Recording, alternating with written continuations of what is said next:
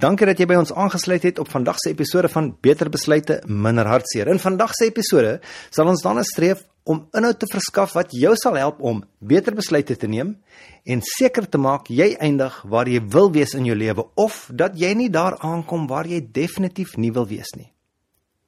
Die vashou op ons verlede is een van die maklikste, tog gevaarlikste dinge om te doen. Want dikwels stagneer ons. Dit maak ons bitter.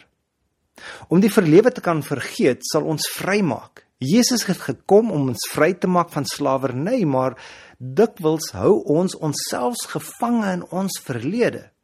So, hoe vergeet ons hierdie verlede? Die verlede beteken verby in tyd en bestaan nie meer nie. As dit weg is, hoekom hou ons aan die verlede? Die verlede bestaan nie meer nie. Dit is geskiedenis. Ons verlede is ons verlede. Ons kan dit nie verander nie. Ek verstaan. Dinge het gebeur. Niemand kan dit ontken nie.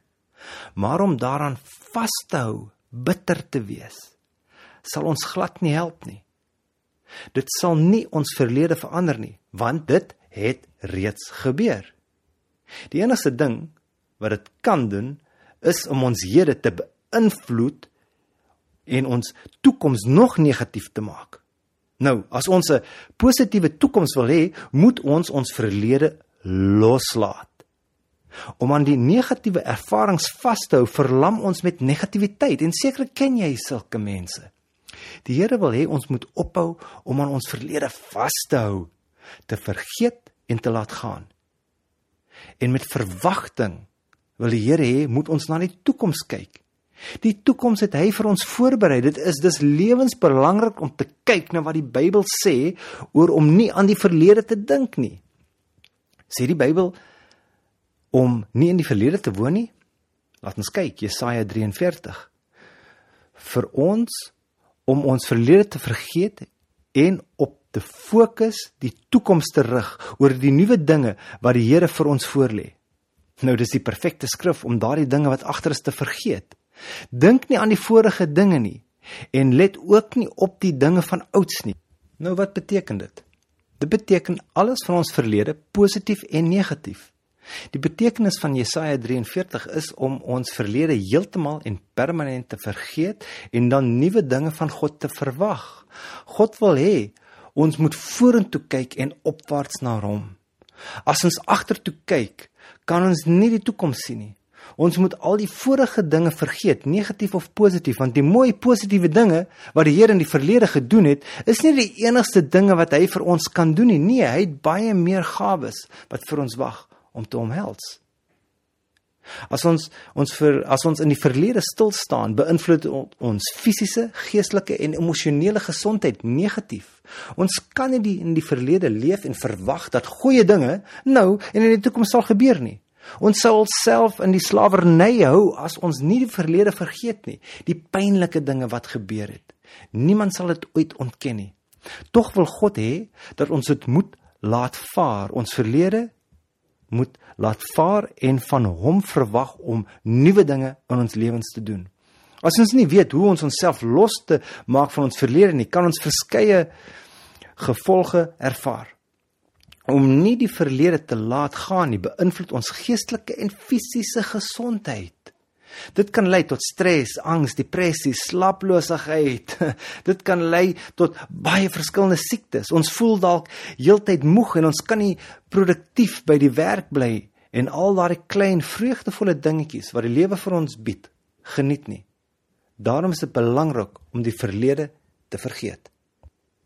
Om ons verlede vas te hou, lei daartoe om in selfbejammering te karm om aan ervarings te dink en jammer te voel vir onsself kan ons 'n gevoel van doel gee hoewel die doel verkeerd is. En in hierdie gevoel van selfbelang selfbejammering wil ons selfs hê dat ander ook vir ons jammer moet voel. Dit is 'n aandagsoekende gedrag.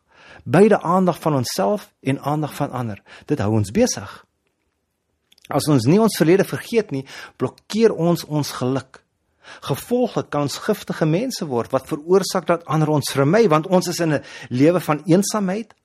Niemand wil op 'n gegriewede persoon wees nie. Dit is nog 'n belangrike rede om die verlede te vergeet, aangesien dit ons huidige en toekomstige verhoudings kan verwoes. Nog 'n rede waarom ons dit moeilik vind om ons verlede te vergeet is dat ons gevoel verwar met reaksie. Die uitdaging is om te genees. Moet ons dit voel. Gevoel is wees en dit kan net gebeur wanneer ons kies om op die oomblik teenwoordig te wees. Om in ons verlede te leef, verhoed ons dus om die kwessies te hanteer wat veroorsaak dat ons nie in die lewe vorder nie. En dikwels veroorsaak dit selfs dat ons herhaaldelik dieselfde foute maak. Wat sê die Bybel oor ons verlede? Die Here weet alles wat in ons verlede gebeur het en hy gee om meer as wat ons ooit kan dink.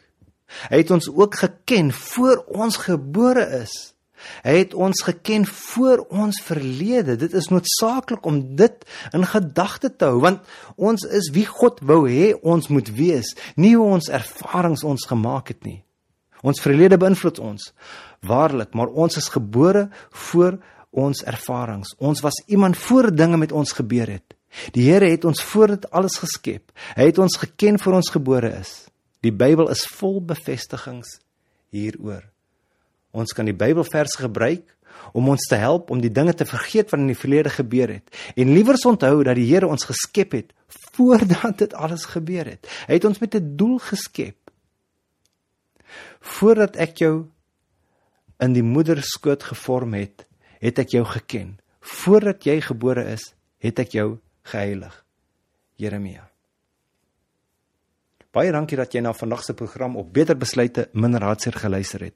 As jy voel daar is iemand wat daarna moet luister, stuur die skakel en deel dit asseblief. Die inhoud wat in hierdie podcast gebruik word, is gebaseer op verskeie bronne van Christelike bedieninge. My naam is Haiku. Mag die Here jou seën en onthou, aanhouer wen.